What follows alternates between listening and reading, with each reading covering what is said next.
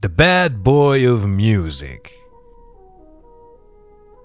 In 1913 ging in Parijs het ballet Le Sacre du Printemps van Igor Stravinsky in première. Het Parijse balletpubliek was in die tijd verdeeld in twee groepen. De welgestelden die een ongestoord avondje uit wilden met een net ballet en fraaie muziek, en de bohemiens die alles omarmden wat ze op de balkons verschrikkelijk vonden. Vanaf de eerste maand was het onrustig daarboven. Toen ging het doek op.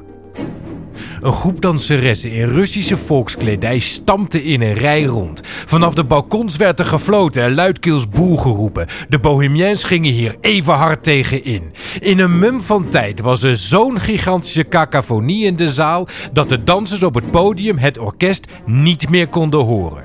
Vanuit de coulissen riep de choreograaf commando's naar de dansers. Er werd van alles naar het orkest gegooid en 40 oproepkraaiers werden uit de zaal gezet. De New York Times schreef: Parijzenaren fluiten nieuw ballet uit. Theaterdirecteur doet lichten aan om demonstratie te stoppen.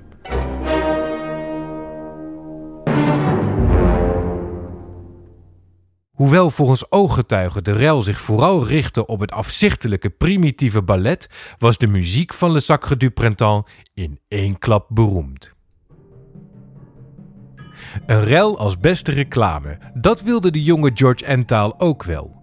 Geboren in 1900 in een slaperig stadje in New Jersey, had hij besloten dat hij beroemd wilde worden als de nieuwe ultramoderne pianist-componist en futurist terrible.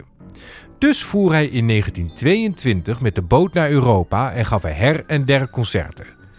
Volgens de recensies ramde hij als een slagwerker op een piano. Maar ja, wat verwacht je ook van iemand die opschepte dat hij tijdens de overtocht oefende tot zijn vingers bloeden?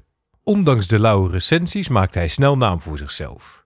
Niet in de laatste plaats omdat hij aan het begin van het concert een revolver op de piano legde. Je moet je publiek toch een beetje bij de les houden.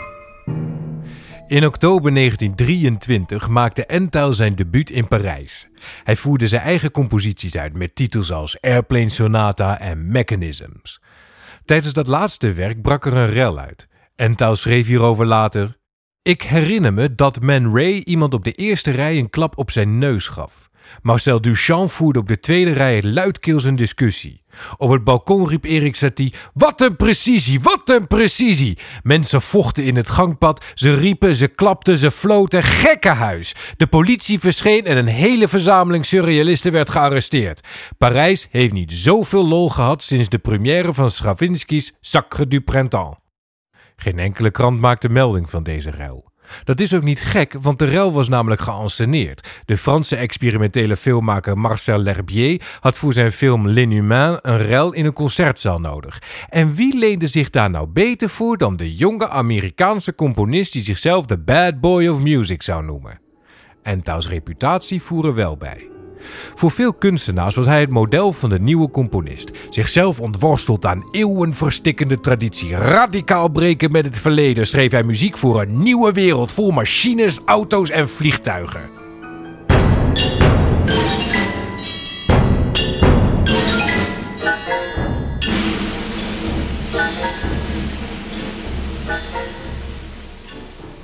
In het tijdschrift De Stijl, van de club waar onder andere Gerrit Rietveld en Piet Mondriaan toe behoorden, schreef George Ental over zijn nieuwste compositie: Het eerste muziekstuk op aarde dat is gecomponeerd vanuit instrumenten en voor instrumenten. Balletmechaniek noemde hij dit werk en geschreven voor 16 pianola's, 7 elektrische bellen, een sirene, 3 vliegtuigpropellers, 2 piano's en een batterij slagwerk was het een toepasselijke titel. Het was gelijk ook zijn meest ambitieuze compositie. Hij had vier pianola-partijen geschreven die elk door vier pianolas gespeeld moesten worden. Een pianola is zo'n piano waar je een rol in stopt en die dan uit zichzelf piano kan spelen. Een soort speeldoos met een identiteitscrisis. Het was dus noodzakelijk dat de 16 pianola's allemaal synchroon speelden, maar de beperkingen van de techniek verhinderden dat. Er zat niets anders op dan de vier partijen te bewerken voor één pianola.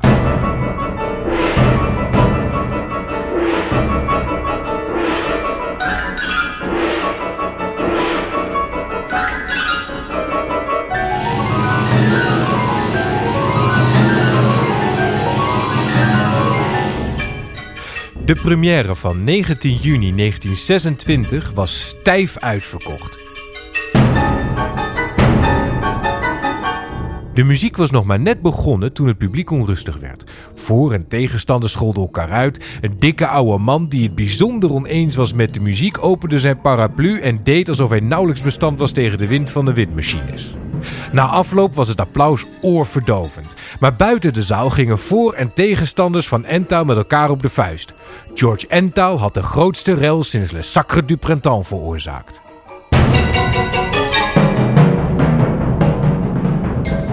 Een rel als beste reclame.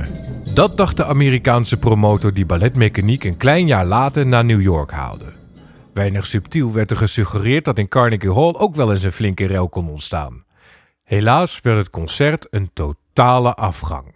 De muzikanten hadden niet genoeg kunnen oefenen. De propellers stonden verkeerd opgesteld. Dus toen ze aangingen en naar het publiek gericht bleken, waaiden hoeden af en programma's weg. Iemand bond een witte zakdoek aan zijn wandelstok en zwaaide ermee om zich over te geven. De sirenespeler wist niet dat een sirene moet opwarmen voor het geluid maakt, dus hij draaide tevergeefs vervoet aan de machine. Toen het publiek de zaal verliet, gaf de sirene een fraaie solo. De kranten waren vernietigend en Ta's reputatie was in één klap voorbij.